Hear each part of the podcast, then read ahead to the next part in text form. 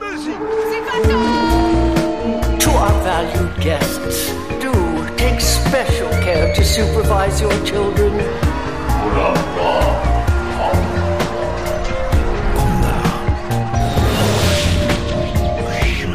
Het is weer ochtend in Pretparkland. Goedemorgen pretparkland en welkom bij je ochtendelijke pretpark podcast. Mijn naam is Ellen Taals. En samen met Jelle Verhelst halen we herinneringen op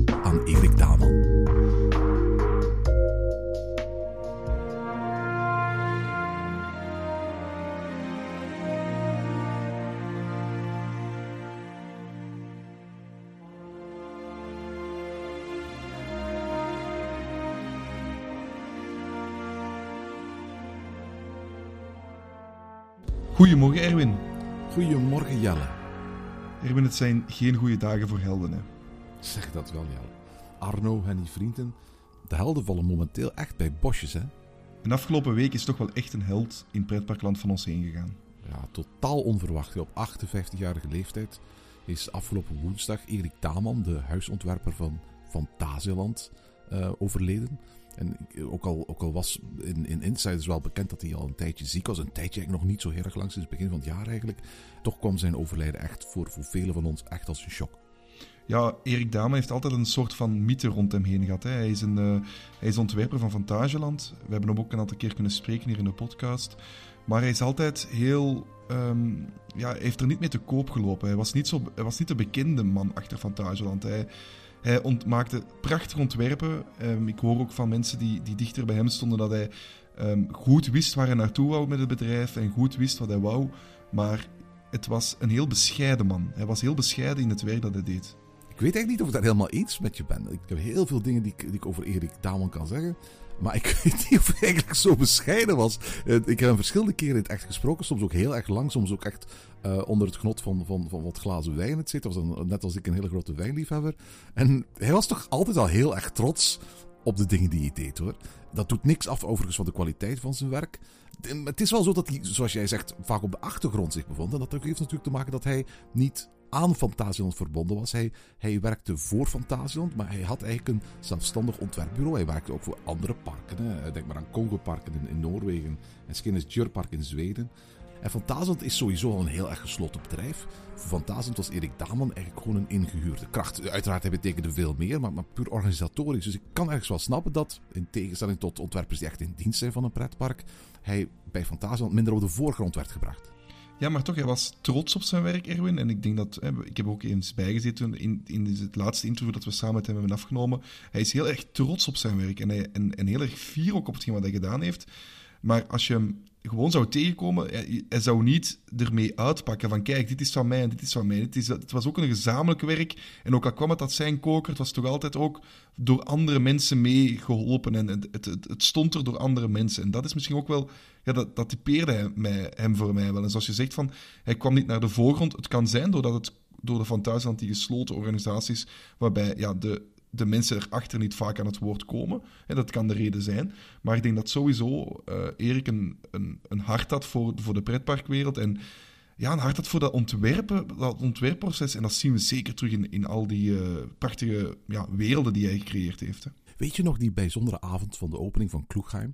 We hadden die middag een, een uurtje of twee met, met Erik Daman samengezeten. Toen hebben we ook een interviewtje opge- opgenomen over Kloegheim. En achteraf op de, op de receptie kwamen we bij zijn tafel staan. En daarna zijn we met hem door Kloegheim getrokken. Ik geloof dat we een uur door het park zijn geweest. We zijn, hebben niet kunnen verleiden om, om, om eh, Taron te doen. We zijn wel samen met hem in Rijk gegaan. Wat vooral heel bijzonder was, was, was hoe hij eigenlijk hoe hij eigenlijk voortdurend op zoek was naar zelfbevestiging van ons. Hij was voortdurend aan het vragen wat wij van dit ontwerp vonden. En hij wees dan naar een bepaalde zichtlijn of een bepaald bordje. En dan, dan, vroeg hij wat wij daarvan vonden. Dat was, heel bijzonder van iemand die net dat hele Kloegheim ontworpen had. En waarvan de, de, de opening live hadden van meegemaakt. Om dan aan de andere kant met iemand door het park te lopen die op zoek was naar zoveel bevestiging. Ja, ik kan me herinneren dat hij zich zelfs een beetje verdedigde. Dus van, ja, hier moet dat nog gebeuren en hier moet dat nog gebeuren. En deze wand is daarom nog niet ingekleed. En dat was zo, ja... hij duidde ons eerder, of hij wees ons eerder de, de dingen aan die nog moesten gebeuren, of waar hij niet zeker van was, dan de, de pracht die dat gebied eigenlijk is. Hè. Het is een van de, ja, hij, heeft schitterende werelden gemaakt. En ik denk dat Kloegheim, totdat de Rookburger kwam met Fly, echt wel de prachtigste wereld was, was heel immersief. Je zat er echt in een, in een andere wereld. Hè. De, de manier hoe dat daar gethematiseerd is, ja, daar wordt van heel de wereld naar gekeken. Hoe Fantageland daar toch wel schitterende wereld neerzet. En dat gaat van het, het Afrika-type in Afrika-gedeelte, waar de achtbaan Black Mamba heel mooi langs de rotsen scheet, tot een Talokan, hè, waar we echt hebben gezien van oké, hier zo kan je een attractie maken, zo kan je een flatride ook neerzetten. Ehm, ja, naar de, de nieuwste toevoeging, Fly met een prachtig themahotel aan, maar ook de andere twee themahotels die door hem of door zijn hand zijn getekend, ja, dat zijn gewoon schitterende themabelevingen. En Ehm, het is jammer dat we er niet meer, of dat we er niet meer, meer van gaan zien. Wat, wat, wat ik ook echt wil benadrukken is dat, en dat, dat heeft hij toen ook verteld in dat interview dat we hem hadden, en toen ik hem nog eens privé ontmoet heb, uh, hebben we het daar ook nog uitgebreid over gehad. Ja, Taron is een achtbaan van Intamin. Ja, Fly is een achtbaan van Vekoma. Maar voor alle duidelijkheid, hij beschouwde dat ook als zijn kindjes. Ook hij maakte die achtbaan. Hij, ook hij ontwierp die achtbanen. En hij toonde op zijn iPad, weet je nog, hij had zo'n hele grote iPad Pro bij zich. En hij toonde allemaal ontwerpen die hij gemaakt had in zijn tuin met, met metaaldraad en, en kleine, kleine piepschuimbolletjes die de, de, de wagentjes moesten voorstellen van, van Taron. Waarin hij eigenlijk een eerste poging had gemaakt, gewoon in zijn achtertuin, van hoe het parcours van, van Taron eruit zou kunnen zien. En, en wat, wat mooie zichtlijnen, wat mooie visuele effecten zouden zou opleveren. En pas nadat hij dat ontworpen had, is, is, is met Erik Damans idee naar Intamin gestapt. En die hebben uiteraard een aantal technische aanpassingen moeten doen. Hij was geen ingenieur natuurlijk. Maar het eindresultaat van de baan zelf is net zoveel Erik Daman als Intamin ja, dat, dat geloof ik ook echt. Want hoe dat hij liet zien van... En hier heb ik inderdaad, nu je het zegt, ik was het al vergeten, maar dat die ijzerdraadconstructies liet zien. Hoe hij echt de baan heeft proberen te vormen en te doen. En uiteraard moeten daar dan nog ingenieurs naar kijken. Heeft hem ook duidelijk gezegd, ik ben geen ingenieur, maar ik zou graag hebben dat het dit is en dit wordt en zo.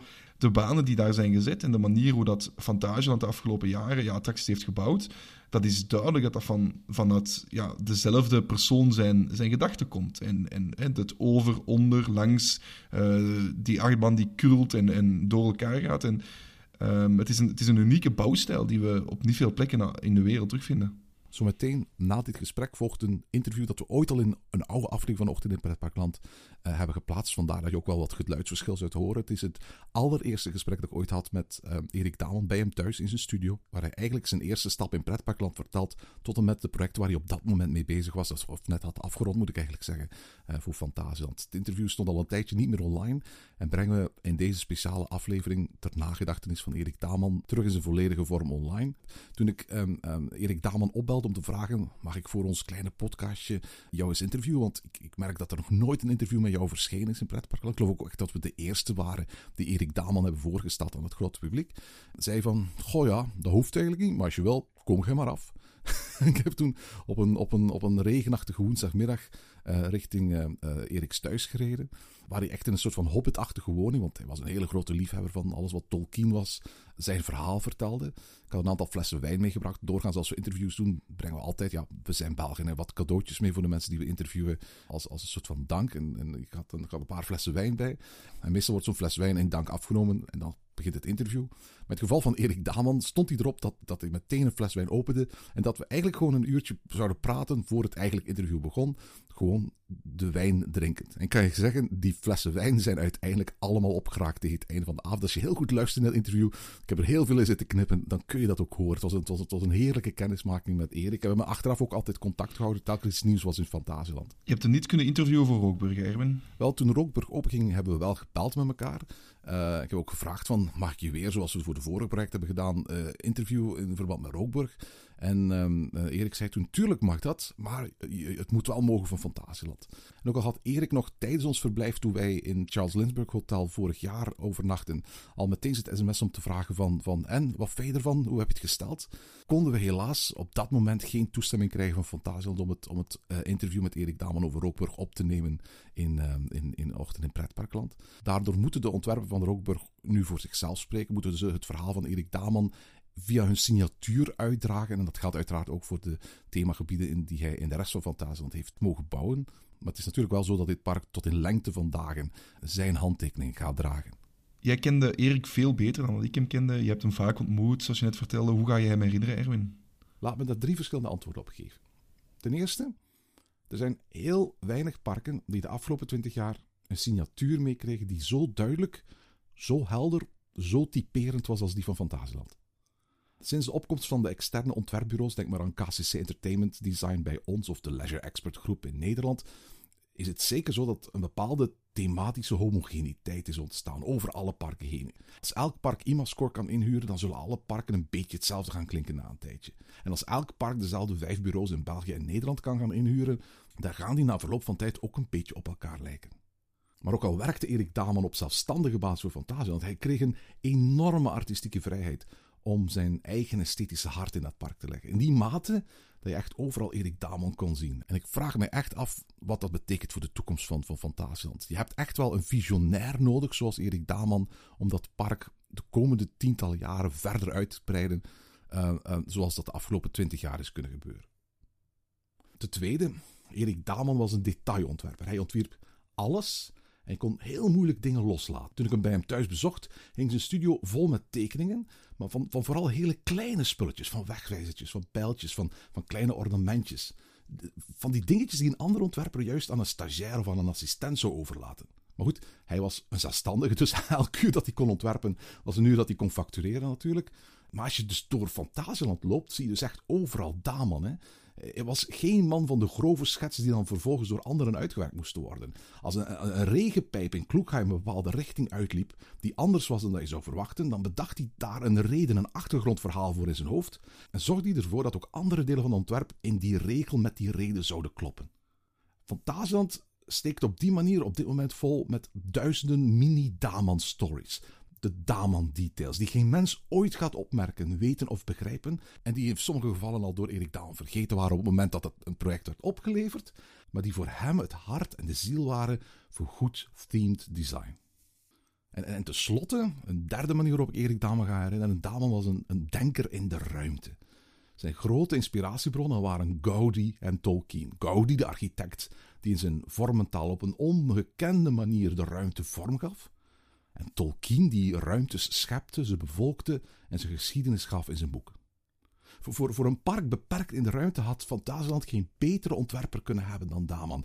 Als je, als je ooit in Barcelona bent geweest, in Park Güell bijvoorbeeld, dan, dan weet je wel wat ik bedoel. Dat is, een, dat is een vrij klein parkje, maar met zoveel niveaus, dieptes, sluipwegen, arcades, bruggen en etages, dat je daar kunt blijven nieuwe hoekjes ontdekken.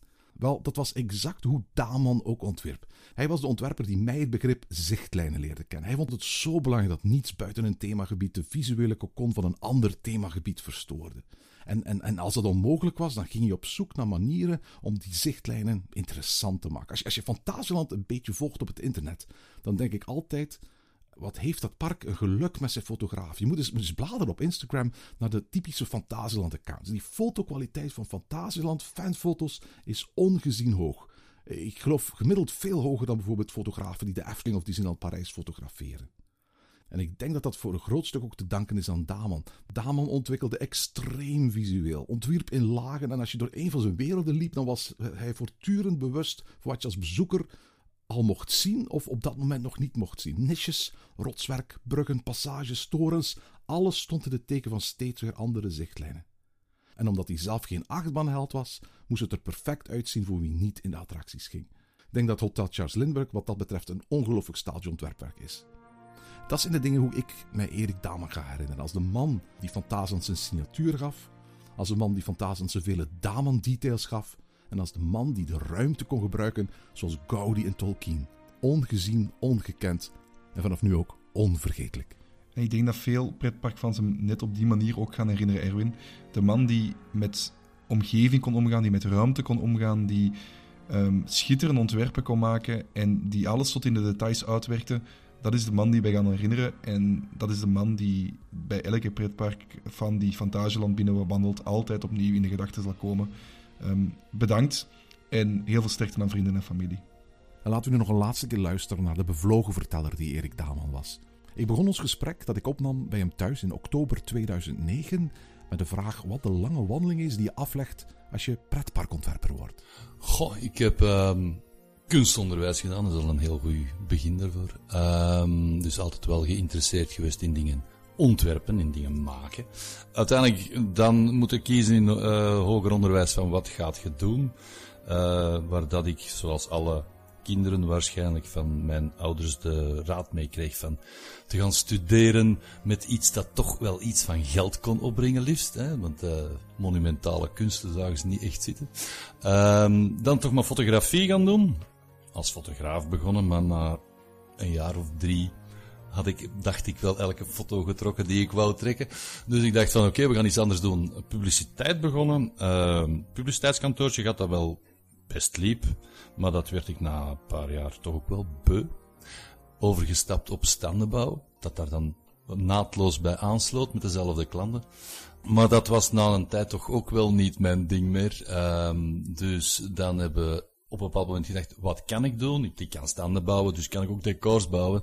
En een van de mogelijke klanten is dan een pretpark. Um, en daar het geluk gehad van de juiste man op de juiste plaats uh, te zijn. En dan uh, contact gekregen met Bobby Aanland en daar de eerste stap Kinderland. En daar is al de rest uitgevolgd. Nu, voor iemand die met kunstonderwijs start, neem ik aan ja, dat je een grote artistieke basis hebt. Is een ontwerper van pretparkattracties is dat een kunstenaar? Nee, volgens mij is dat geen kunstenaar. Um, ik denk dat dat iemand moet zijn die vrij goed aanvoelt wat de grote massa graag ziet. Het is populistische kunst. Um, ik ontwerp ook niet wat ik mooi vind. Um, ik ontwerp wat dat ik denk dat de grote hoop mooi vindt. En dan zou je ook kunnen zeggen dat een dag allemaal kunst is. En dat lijkt mij niet echt kunst te zijn. Het eerste project was Kinderland in, in Bobbejaanland. Eigenlijk een van de allereerste indoorparken van, uh, uh, ja, van, van, van Europa bijna. Um, daar heb je zo'n beetje het, het, vak kunnen leren, want, want eh, daarvoor had jij nog geen ervaring met pretparkontwerp.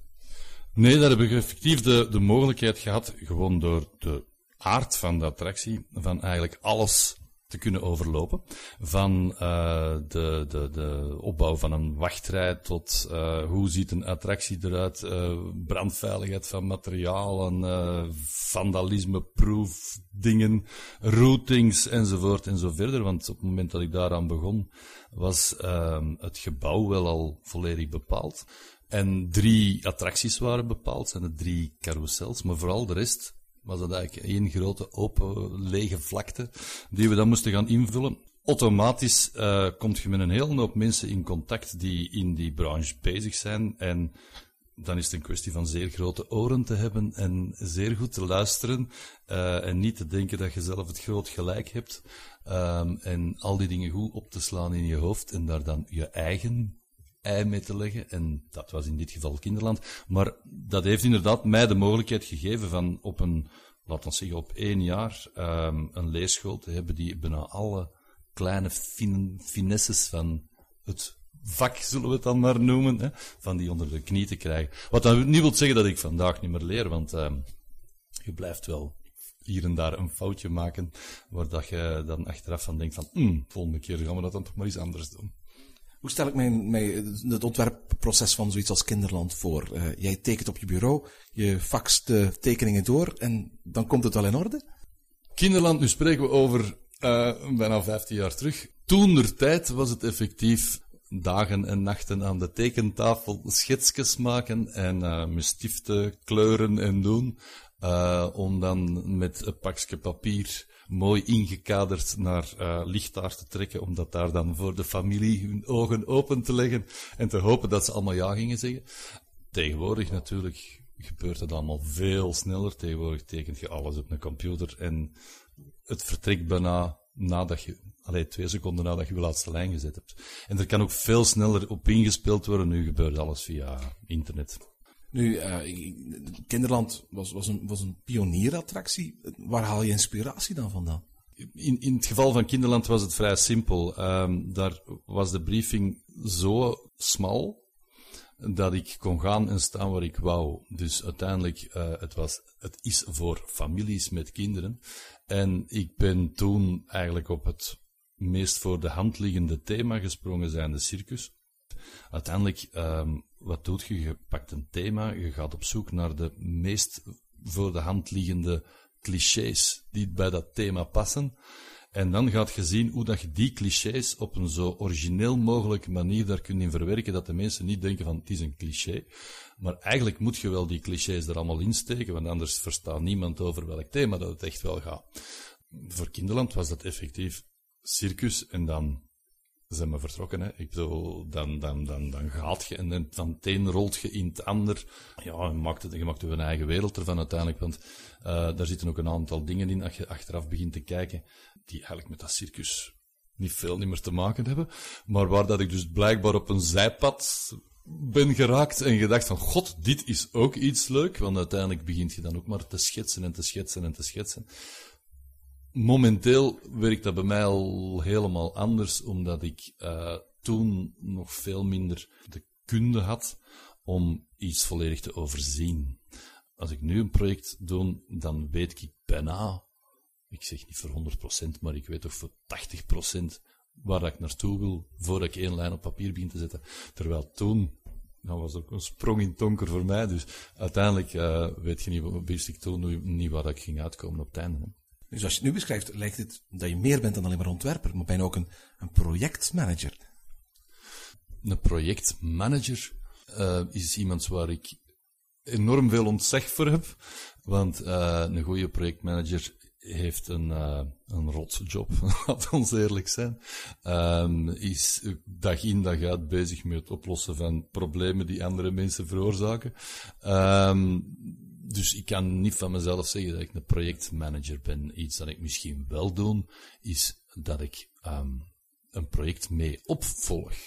En ik voel me dan meer, terwijl een project aan het lopen is, ben ik eigenlijk meer een, een conceptbewaker dan een projectmanager. Ik vind een, een projectmanager is iemand die met een hardware bezig is en zorgt dat alles wordt wat het moet worden. En ik moet eigenlijk constant daarachter lopen. En het moment dat die een bocht naar rechts pakt als hem eigenlijk rechtdoor zou moeten lopen. Even op zijn schouder kloppen en zeggen, ik zou rechtdoor lopen. Dat is eigenlijk mijn job op het moment dat het project lopende is. Je bent op dit moment de, de, de hoofdontwerper, de huisontwerper, mag je bijna zeggen, van Fantasieland. Hoe komt Fantasieland bij een, een, een Vlaamse ontwerper die Kinderland voor Bobby Aland heeft gemaakt? Via een uh, onderaannemer die uh, in Kinderland bepaalde 3D-stukken maakte. En uh, dan door zijn 3D-werk gecontacteerd werd door Fantasieland om uh, Colorado Adventure vorm te geven. En daar eigenlijk totaal niet wist hoe de, daar moest aan beginnen. En dan maar terug ging naar zijn, zijn klant van daarvoor. En zo zijn wij er eigenlijk in, ben ik er alleen ingerold om dan uiteindelijk Colorado Adventure te, te ontwerpen. Um, en eenmaal Colorado Adventure ontworpen, uh, bleek dat ze daar wel content van waren, de ene keer dat het er stond. Um, en grote vraagtekens hadden bij hoe dat hun park in de toekomst zich moest gaan ontwikkelen in een bepaalde richting.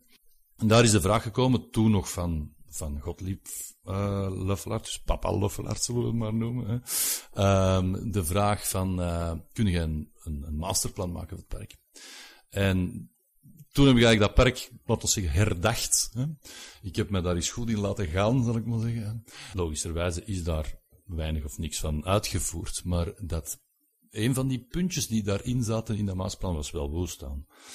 En dat masterplan heeft eigenlijk een beetje de, doorslag gegeven dat ze dan voor dingen die daarna kwamen ook wel eens aan mij vroegen, wilde jij niet dit en wilde jij niet dat tekenen?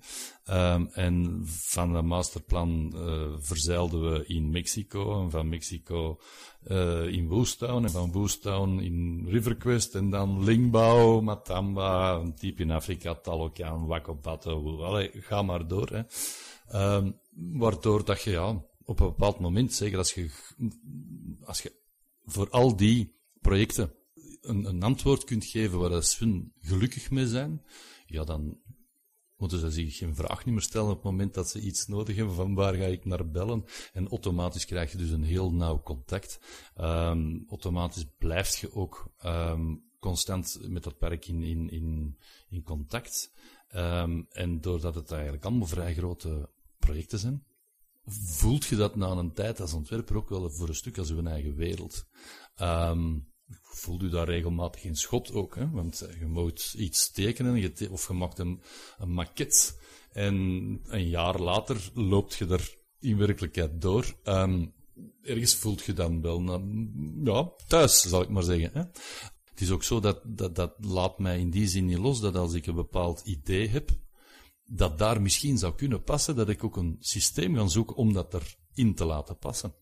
Zo word je automatisch wel meedenker daar en dan zijn automatisch ook huisontwerper hè, na een. En dan heeft het er veel mee te maken natuurlijk dat het moet klikken met de, de personen die daar aan de top zitten. Hè. Ehm, als je op dezelfde manier denkt, op dezelfde manier eh, de toekomst ziet, ja, dan vallen de, de puzzelstukken in elkaar. Hè. Nu, na eh, de eerste proefjes met Colorado Adventure en daarna ook eh, ja, de, de herthematisatie van, van het Mexicaanse gedeelte, eh, was, was Woozy Town je, eerste grote attractie die je mocht ontwerpen in Fantasieland. Mag ik stellen dat de stijl die je voor Woozy Town ontwikkeld heeft, eigenlijk zo'n beetje de stijl van Fantasieland geworden is na 2000? Men zegt dat al eens. Ehm, nu, ik denk dat het eigenlijk ermee te maken heeft dat dat, dat eigenlijk een puur fantasy thema is. Logischerwijze, als ik iets moet tekenen dat voor mij mooi is en dat fantasy is, automatisch ga ik daarvoor de, noem het de stijlkenmerken gebruiken die ik zelf mooi vind. En automatisch ga je die stijlkenmerken terugvinden in al hetgeen dat ik teken. Ook als ik iets Afrikaans teken, dan blijft dat wel mijn hand. Of de stijl van Woest nou nu bepaalt dat dat de stijl van Fantasieland is, dat weet ik niet. Het is natuurlijk zo dat, dat ja, mijn hand is mijn hand. Het is natuurlijk wel zo dat dat dan zo breed gaat na een tijd dat er een hoop dingen zijn die ook wel ehm stijlbepalend zijn voor een park waar dat mijn hand dan ook in zit. Dat gaat heel breed, hè. Ook, ze, ze vragen mij ook voor, voor, voor, voor bijvoorbeeld ehm, merchandising te ontwerpen. Ja, dat zit allemaal in datzelfde straatje. Ehm, en ja, dat mijn hand daar overal in zit, dat, daar twijfel ik geen moment aan. Nu voor uh, is een, is een grote hal met twee achtbanen en een aantal kleinere attracties in. Uh, wat voor opdracht krijg je dan? Is dat dan, wacht je daar volledige carte blanche? Heb je zelf het verhaal bedacht achter Woozy Town? Of um, kreeg je echt een opdracht van, kijk, dit is het verhaal, dit zijn de soort personages die we in het achterhoofd hebben en, en geef daar een stijl aan? Um, Woestan was eigenlijk in die zin heel simpel. Daar was het idee van een spinning coaster te maken. En daar was een footprint. En dan stopte het. Dat was de briefing ongeveer. Um, en ik had dus wel in, gelijk dat ik daar juist zei, al een, een gemaakt, waar dat op dat stuk grond een stad stond, die um, dan een, een bepaalde fantasy thema had. Um, en daar had ik vaag wel een idee bij wat dat, dat moest zijn. Dat geveltje was ook getekend. Zo van, ah ja, dat gaat ongeveer er zo uitzien. Dat zag er wel veel liefelijker uit dan dat nu is. Maar um, omdat ik toen nog niet wist dat er een, een spinning coaster in moest. Hè. Um, maar dus die, die stijl, die lag er wel al halflings op papier. Ja, en dan begint het spelletje. Hè. Ik bedoel, dan, dan is er effectief een aantal contacten geweest met Maurer, die dan uh, een eerste plan van die dubbele spinning coaster maken. Um, en daar heb ik gewoon zeer conceptueel een gebouw rondgetekend. Van, ik zou graag hebben dat het daar in en daar uitvliegt. Hè? En dat ik, als ik daar wandel, dat ik er op twee meter van ben. En als ik daar sta, dat ik al die stukken van de ride zie. Als ik daar sta, zie ik iets anders, of ik zie het niet, of ik zie niks. En ja, daar gaat dan een architect mee aan de wandel. Die maakt iets dat zo dicht mogelijk bij hetgeen ligt dat ik in mijn gedachten had, uh, wat niet altijd mogelijk is. Hè. Um, en eenmaal dat die, die plannen bestaan, ja, dan komt dat terug op mijn bureau terecht. En dan wordt daar een verhaal rondgebreid. En dan krijgt dat allemaal zijn vormen. Dan uh, worden muren bijgetekend. Uh, krijgt alles een vorm krijgt alles een plaats, beginnen routings duidelijker te worden, op en over en door elkaar, hè, doordat ik dan dat ik dan een beetje wel als mijn handelsmerk zie, dat alles altijd op en over en door elkaar loopt, omdat ik dat gewoon plezant vind. Hè. Um, dat, dus dat heeft niet te maken met het feit dat Fantasieland zo klein behuisd is. Uh, het is allemaal Erik Daalman die daarvoor zorgt. Nou, laat ons zeggen dat het een het andere meebrengt ehm, en dat ik er mij dan bovendien nog goed in voel ook. Eh, het is effectief zo dat, dat Fantasieland eh, een park is zoals er weinig parken zijn. In die zin dat het eigenlijk een park is met een kleine footprint, met een heel groot aantal attracties, met zeer veel bezoekers. Soms zouden we bijna kunnen zeggen te veel bezoekers voor de footprint. Dat is ook de reden dat we willen uitbreiden. Hè. Maar uiteindelijk, hetgeen dat, de- als je dan met zo'n park bezig bent, dan moet je effectief op een andere manier denken dan dan een Efteling kan denken bijvoorbeeld. Een Efteling kan perfect denken van, ah, we gaan een attractie bouwen en dan leggen we daar een gordeltje van 20 meter bos rond. Ehm, als wij 20 meter bos moeten leggen, is de helft van ons park weg. Bedoel, dat, dat gaat dus gewoonweg niet. Dus ergens moet je daar niet meer vanuit een park denken, maar vanuit een stad denken. Dus ehm, ik zie Fantasieland... Eigenlijk zou ik dat eerder een pretstad noemen dan een pretpark. Ehm dat is misschien nog een idee. Pretstadland, hè. Ehm, maar uiteindelijk ehm, denk je daar dus anders, hè. Denk je daar op, op, op, op zeer kleiner, op kleinere footprints, maar gaat er altijd vanuit dat als je een nieuwe attractie bouwt, dat je openingen moet houden in je bestaande attractie, dat er misschien later nog wel eens iets zou kunnen tussendoor glippen. Hè? Ehm, hetzelfde met, met, met, met wandelroutes en dergelijke, eh, ingangen, uitgangen. Eh, je moet eigenlijk constant liggen denken van, als in de toekomst daar iets zou komen, dan zouden we moeten.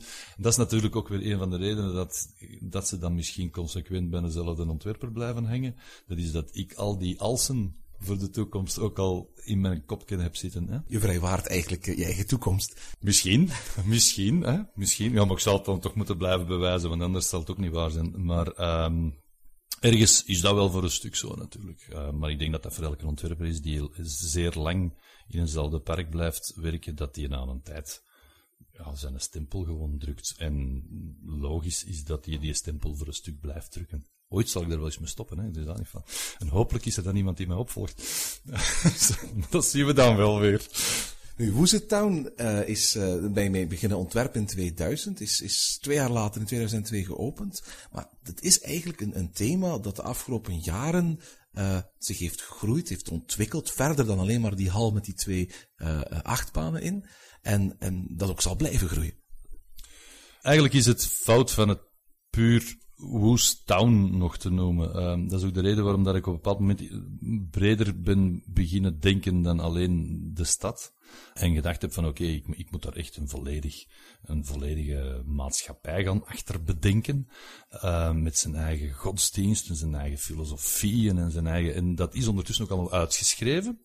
Effectief, achter al die attracties zit altijd wel een stukje verhaal achter.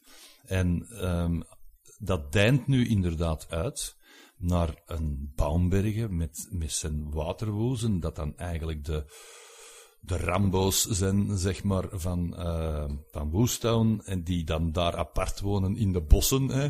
Eh, dat zijn alleen maar mannen en er mogen geen vrouwen komen, terwijl dat een Woostown eigenlijk een vrouwgedreven stad is. Dus en dat zal nog wel wat uitdijnen. Overigens, dat gaat in de nabije toekomst nog wel eens uitdijnen. Hè. Maar ehm op er, ergens zit daar ook de stop op. Ik bedoel, je mocht ook niet doodmelken. Ehm, op een bepaald moment heb je ook wel elke lijn die je bij een bepaald thema kunt bedenken, geschreven of get- getrokken.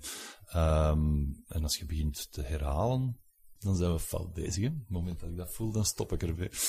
Nu, die storytelling, denk je dat de gemiddelde bezoeker daar iets van heeft? Daarnet zei je van, ik ga op zoek naar datgene wat het populairst is, wat een zo groot mogelijk publiek aanspreekt.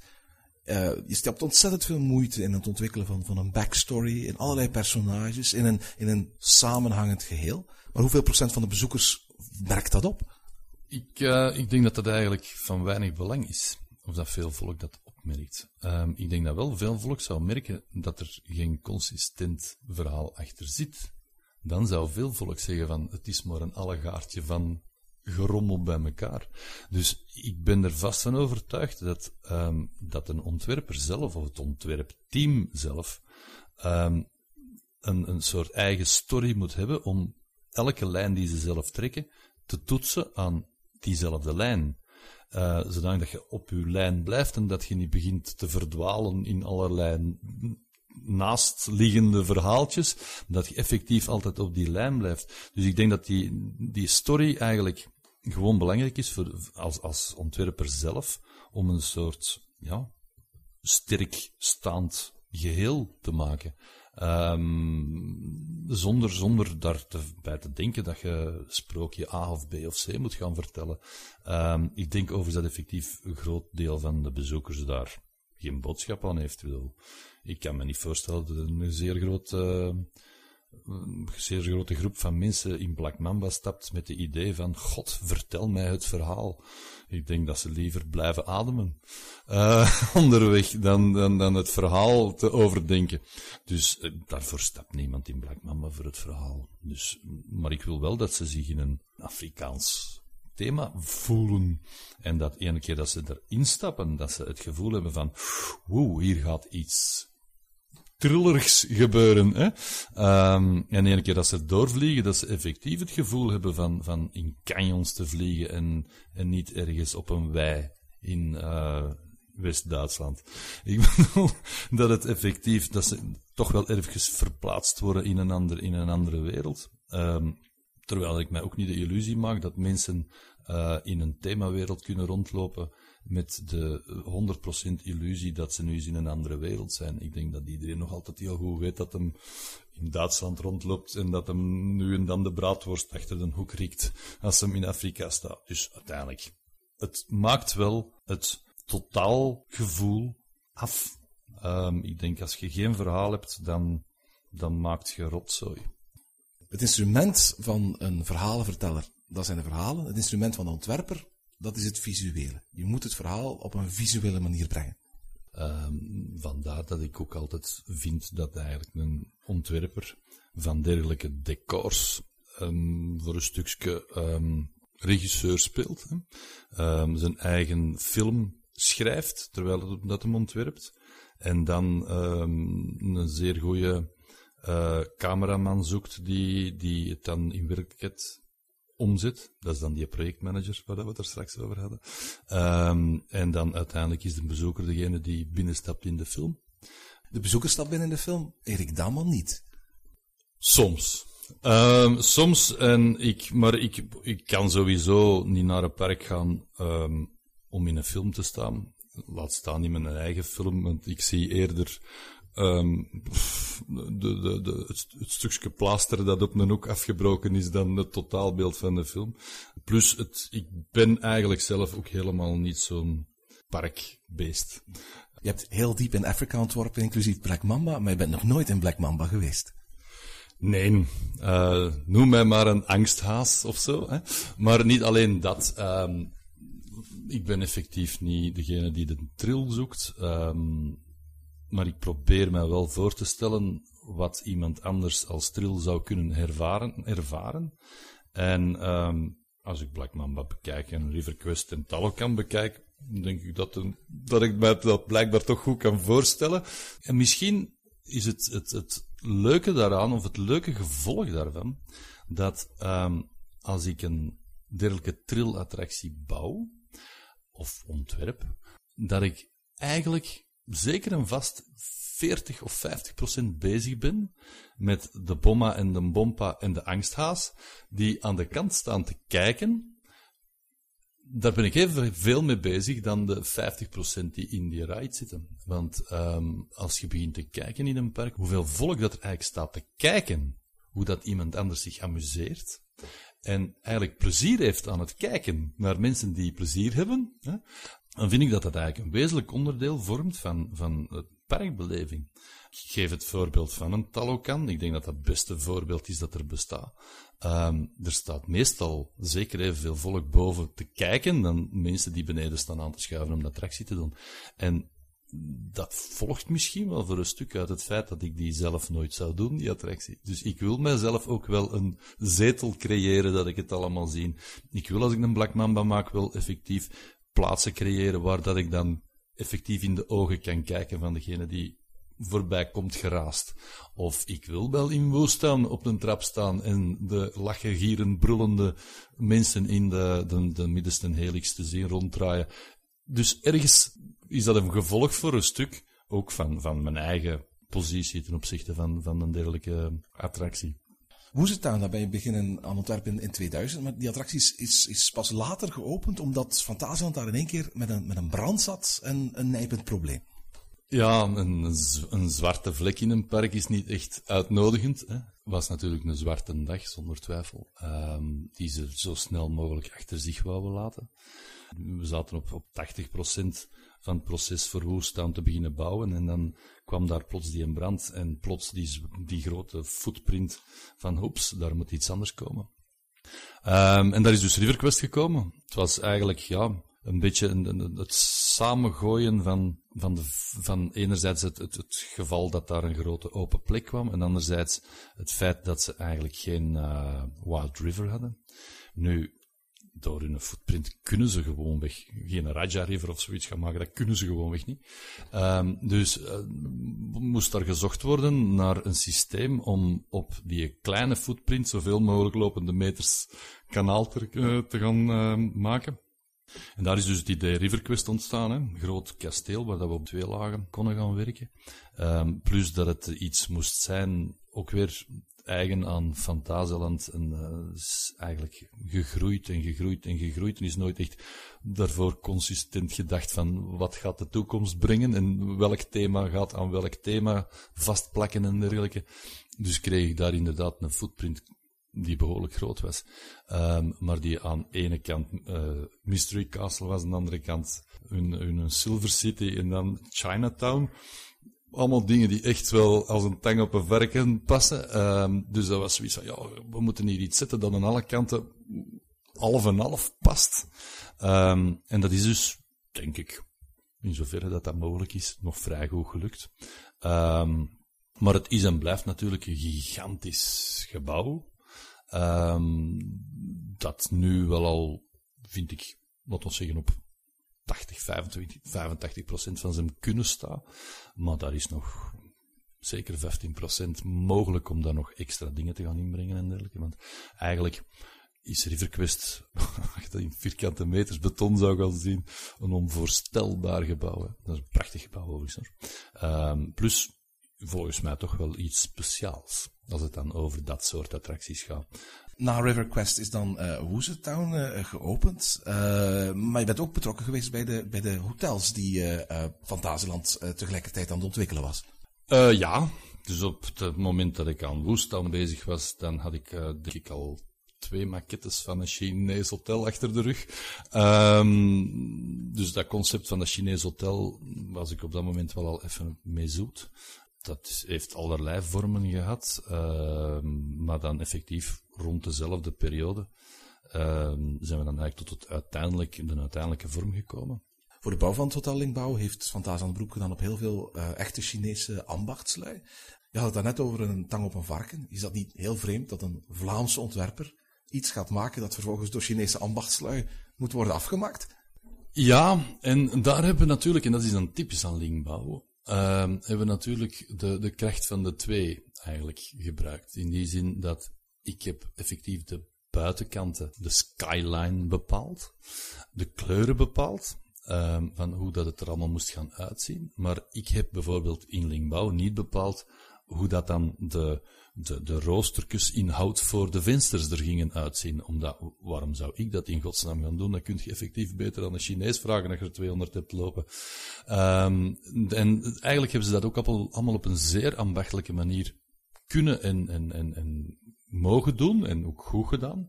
Um, want die konden effectief ter plekke hun ding doen. Die mochten ter plekke een deur uitvinden en ze er dan ook ter plekke maken uit planken waar ik nog niet zou weten hoe ik er een deur moest uitmaken, maar zij waren er dan wel toe in staat.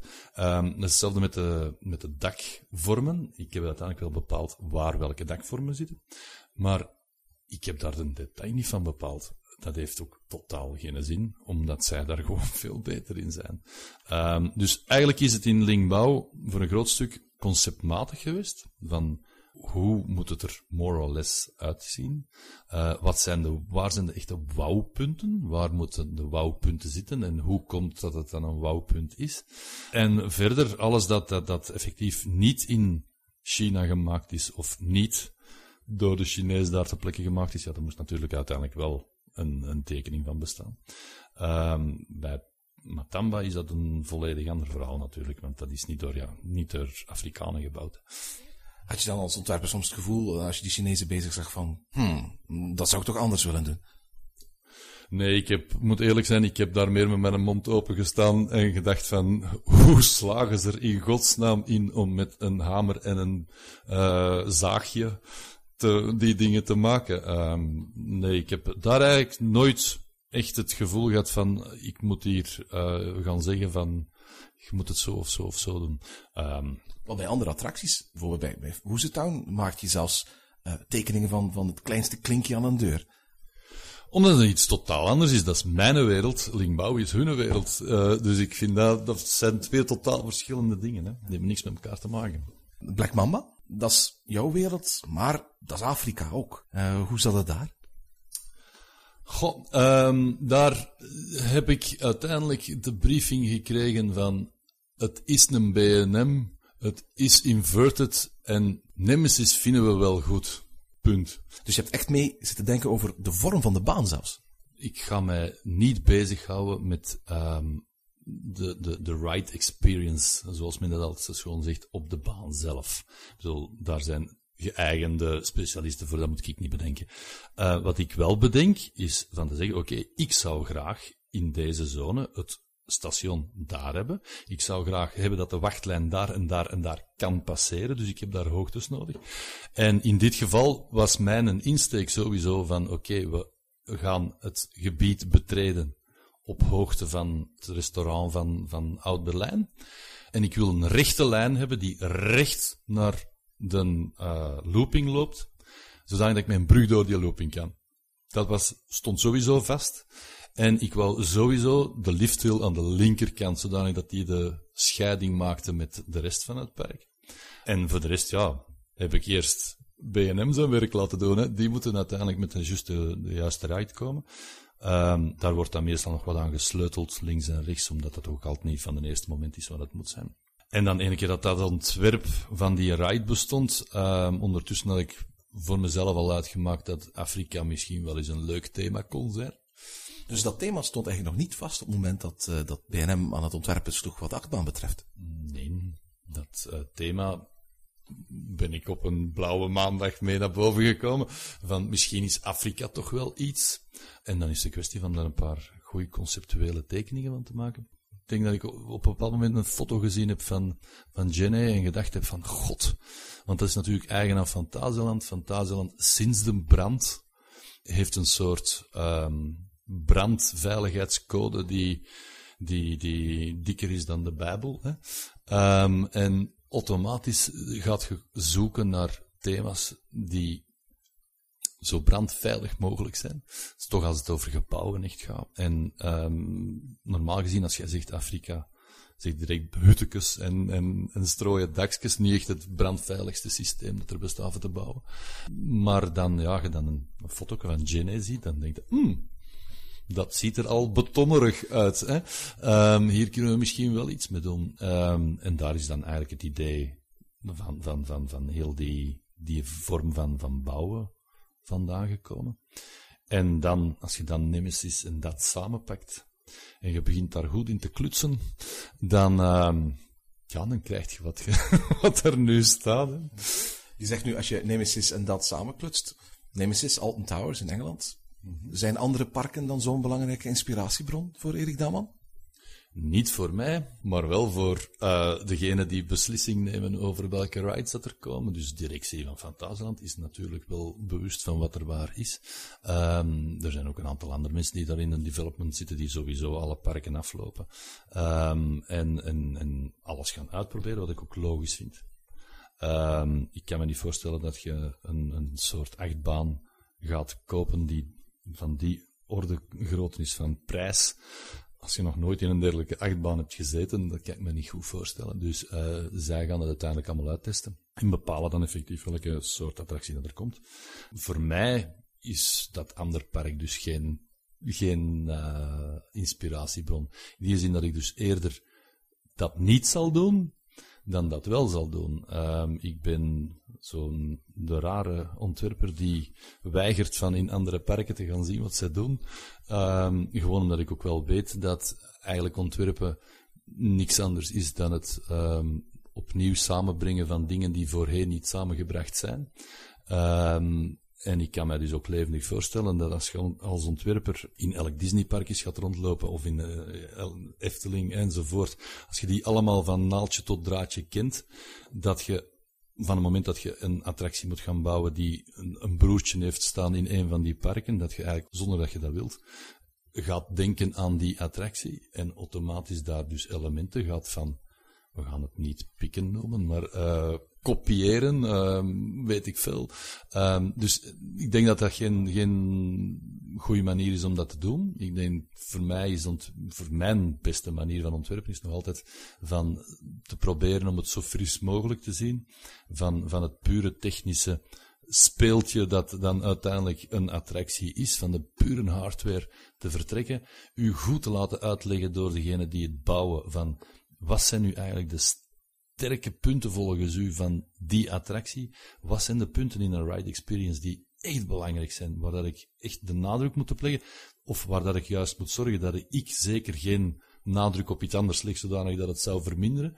En ene keer dat ik dat weet, dan moet ik gewoon op een zo fris mogelijke manier proberen om die ride in een, in een omgeving te plaatsen en in te bidden, waardoor dat hem er precies altijd gestaan heeft en ook niet anders zou kunnen staan dan in die omgeving.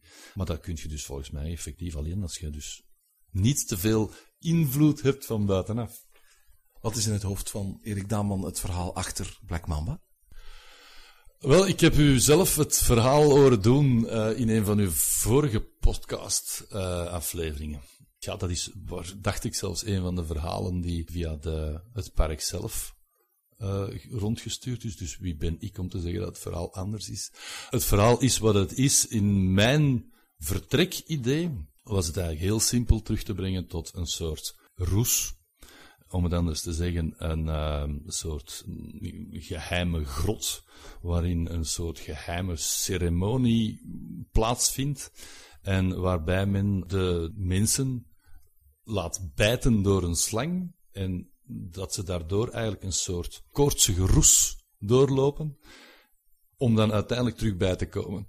Dat is een beetje de idee. En dat is dan voor mij Black Mamba. Dus daarmee dat effectief dat station een behoorlijk ceremonieel hoog gehalte heeft. En dat je daar dan, ja, dan stapte daarin en dan de trommels en donker en dan de beet en dan zijn we vertrokken. Hè. Um, nu, in het oorspronkelijke concept komt eigenlijk de trein niet buiten, niet buiten voordat hem zijn eerste drop doet. Dus zat eigenlijk de volledige lift heel volledig overcoverd en die ging eigenlijk door een volledige grot. Waarin dat er dan van alles en nog wat gebeurde. Maar de prijs van die grot alleen kon ze ongeveer de volledige diep in Afrika-zone mee bouwen. Dus uiteindelijk um, wordt dat dan afgevoerd, spijtig genoeg. Hè? Um, maar dan had misschien het verhaal wel nog duidelijker geweest. Maar Waarom, gelijk dat ik daar straks zei, volgens mij is geen enkele Black Mamba rider geïnteresseerd in het feit of dat hem nu een koortsige roes heeft of dat hem, uh, weet ik veel, een ijzige wind voelt. Ik bedoel, daar is die mens niet mee bezig. Nee, die zit in een ride en die wil er gewoon het beste van maken. Hoe frustrerend is het uh, voor jou om uh, de afgelopen jaren heel veel werk te doen om Talokan, Black Mamba, River Quest in en om en rond die monorail heen te moeten bouwen, om dan in één keer die, die monorail weg te zien gaan. Dat is, me, dat is eigen aan dat park dus weer, hè, door het feit dat we daar straks ook al zeiden, een kleine footprint. Um, komt je altijd op datzelfde punt uit, dat je eigenlijk jezelf altijd tegenkomt. Um, en dat je denkt van, god, ik wou dat dit al weg was, en ik wou dat dat al weg was, en dat dat al weg was. En, en, en mag ik moeilijk heel dat, ik zou natuurlijk heel dat park kunnen platgooien en er een nieuw op zetten, maar dat is niet het uitgangspunt. Het is eigenlijk problem broking, hè. En in dit geval is het effectief, die, die monorail had nog wel behoorlijk wat vraag, hè. Er was nog aardig wat, wat vraag naar. Ik had dan kunnen zeggen, we gooien ze plat, want het, het wordt dan betand, want we moeten er altijd rond. Maar voor hetzelfde geld zeg je, oké, dan bouwen we een bruggetje hier, een bruggetje daar. En dan, uh, als hem ooit weggaat, is hem weg, hè. Ik bedoel, um, als je veel met zo'n dingen bezig bent, of als, eh, als je echt een fan bent, dan kom je in dat park dit jaar, en misschien binnen drie jaar, en misschien binnen zes jaar. En je hebt een herinnering, maar um, er zijn heel veel mensen die die herinnering niet hebben. En die zien een torken met een gat in, maar die denken niet, oei, daar heeft ooit een monorail doorgegaan. Die zien een torken met een gat in, punt. Kunnen misschien denken van, maar dat is een dom torken, want er zit een gat in. Maar um, daar vinden we dan wel een oplossing voor, over die komt wel. Maar, um, dus uiteindelijk, frustrerend vind ik dat niet. Ik zou soms ook wel willen dat het rapper gaat. En, en, en dat, maar, maar ja, daar zit je natuurlijk mee budgetproblemen dikwijls. Hè. Omdat je ook wel weet wat het einddoel Allee, ik weet niet wat het einddoel is, maar ik weet toch al een doel dat een beetje verder ligt dan vandaag. Um, en daar wil je natuurlijk zo rap mogelijk naartoe.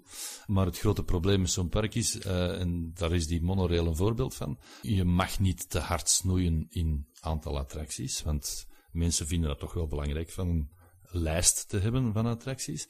Plus je moet constant blijven denken dat ook al uw, uw doelgroepen hun aanbod blijven houden. Um, want het is natuurlijk gemakkelijk om te zeggen in Fantasieland van we gaan bijvoorbeeld alle oude attracties eruit gooien. En we zetten allemaal iets nieuws in de plaats. Maar um, mocht het met een vingerknip gebeuren, was dat heel tof. Maar dat lukt dus niet. Dus je moet dat in stappen gaan doen. En dan is de vraag, um, wat zijn die oude attracties? Dat zijn allemaal familieattracties. Dus als we die er allemaal uitgooien, dan nou... Uh, Walibi World over met veel thema rond, maar uh, daar zoeken we, dat is ons doel niet. Hè? Dus dat moet in stappen en, en stukken en brokken gebeuren. Um, op een manier dat je dan nog zo min mogelijk de normale operaties stoort. Um, het probleem in Fantasieland is, als je iets afbreekt, is het altijd in het midden van het park. Um, dus we hebben nu bij wijze van spreken heel de periferie van het park allemaal vernieuwd, maar nu zitten we nog met heel dat centrum. En ooit gaan we daar toch wel eens de voorhamer moeten tegenzetten, maar als je dat doet, dan zijn ze dus wel in het midden van uw operatie bezig. En um, een, een Efteling zet daar een schoon, een schoon nadarafsluiting rond met mooie zeilen op. Hè. Um, en niemand heeft er last van. Als je dat in Fantasieland doet, zal daar iemand last van hebben. Hè.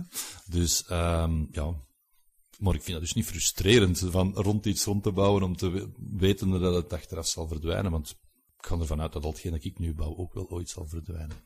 Na uh, Black Mamba, heel kort daarna, uh, kwam vandaag met Talokan.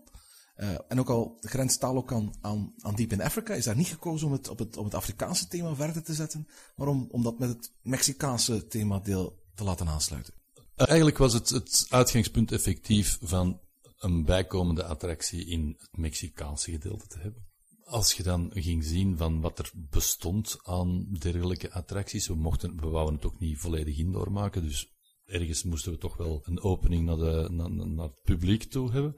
Um, als je dat effectief in het pure Mexicaanse gedeelte zette, dan sloegen we eigenlijk hetgeen dat we hadden geprobeerd om op te bouwen, zijn een beetje het Mexicaans stadsgevoel. Dat sloeg je daarmee dood. Als je heel dat ding zou omdraaien, met zijn uh, opening richting, richting plein. Ja, dat, dat wordt een decorke op dat moment. Hè.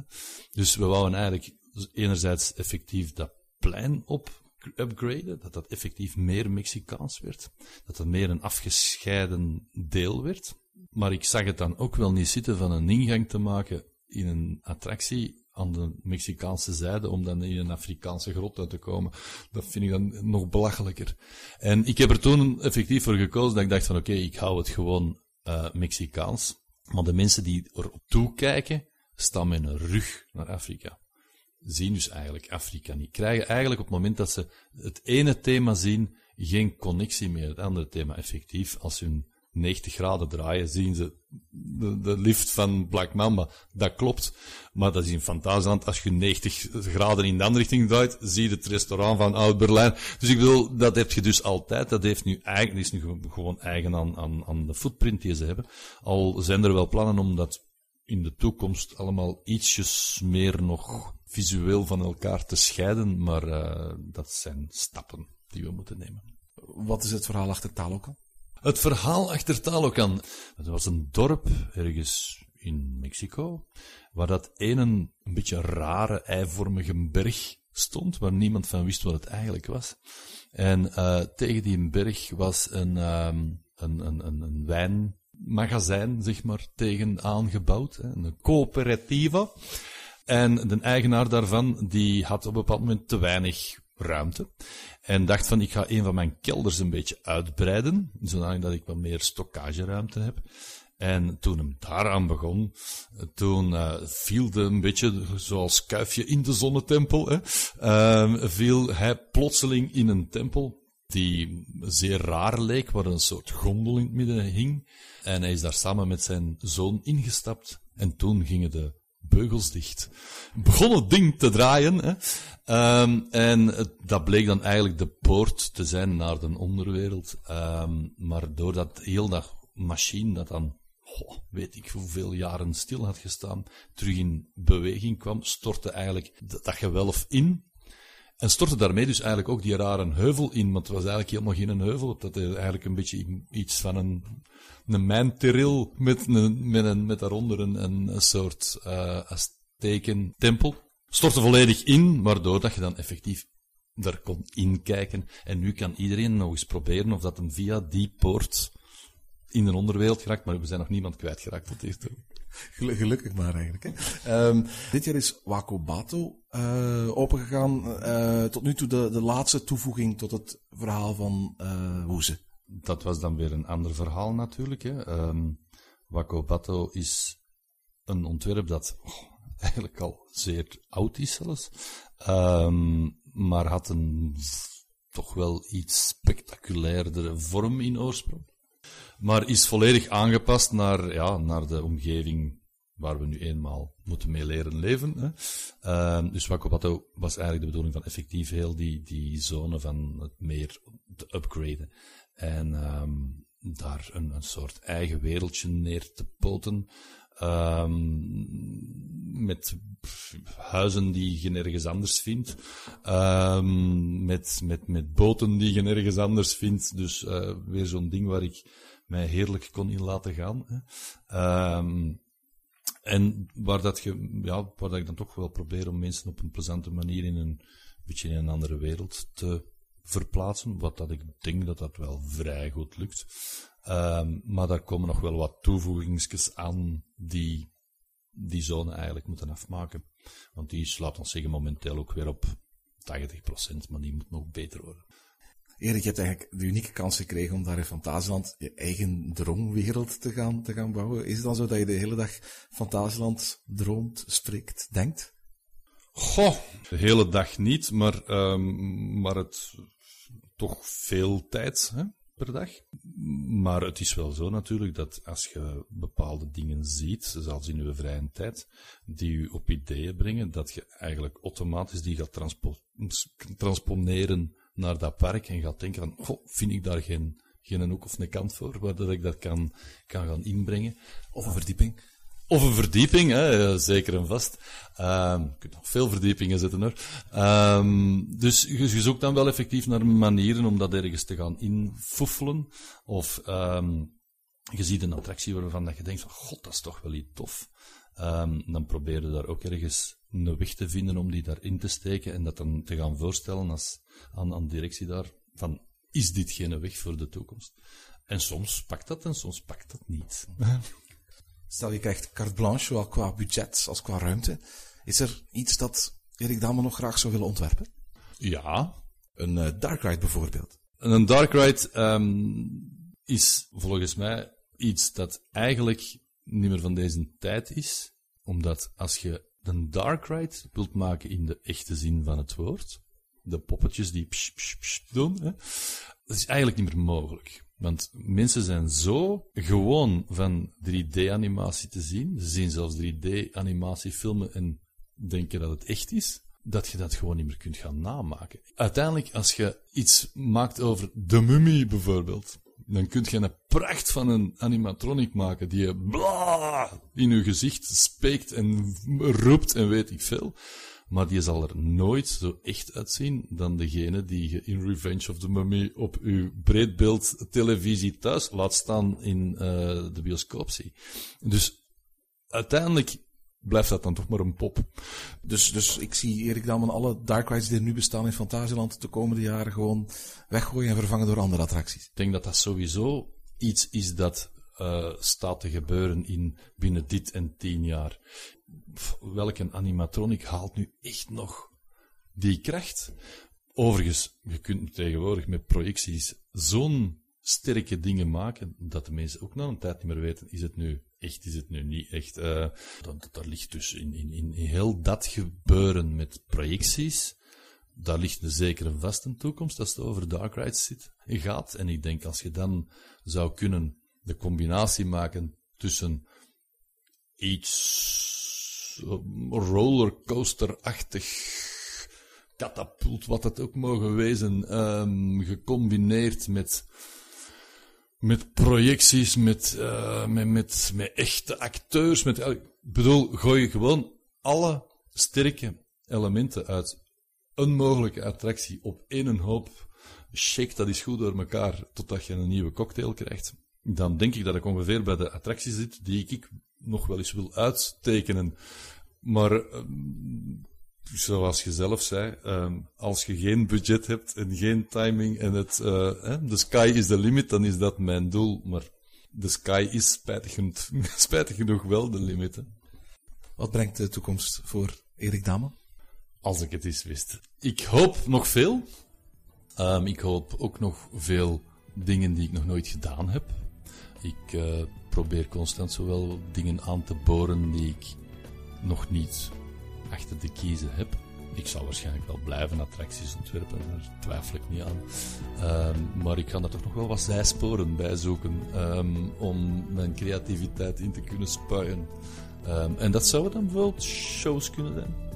Erik, uh, we zijn heel benieuwd wat, uh, wat de toekomst zal brengen. Bedankt voor het gesprek. Graag gedaan. En tot zover deze aflevering van Ochtend in Pretparkland. Volg ons via het Pretparkland op Twitter, Instagram en Facebook of mail naar ochtend.pretparkland.be. Ochtend in Pretparkland is de pretparkpodcast voor vroege vogels. Bedankt voor het luisteren en maak er een fijne dag van.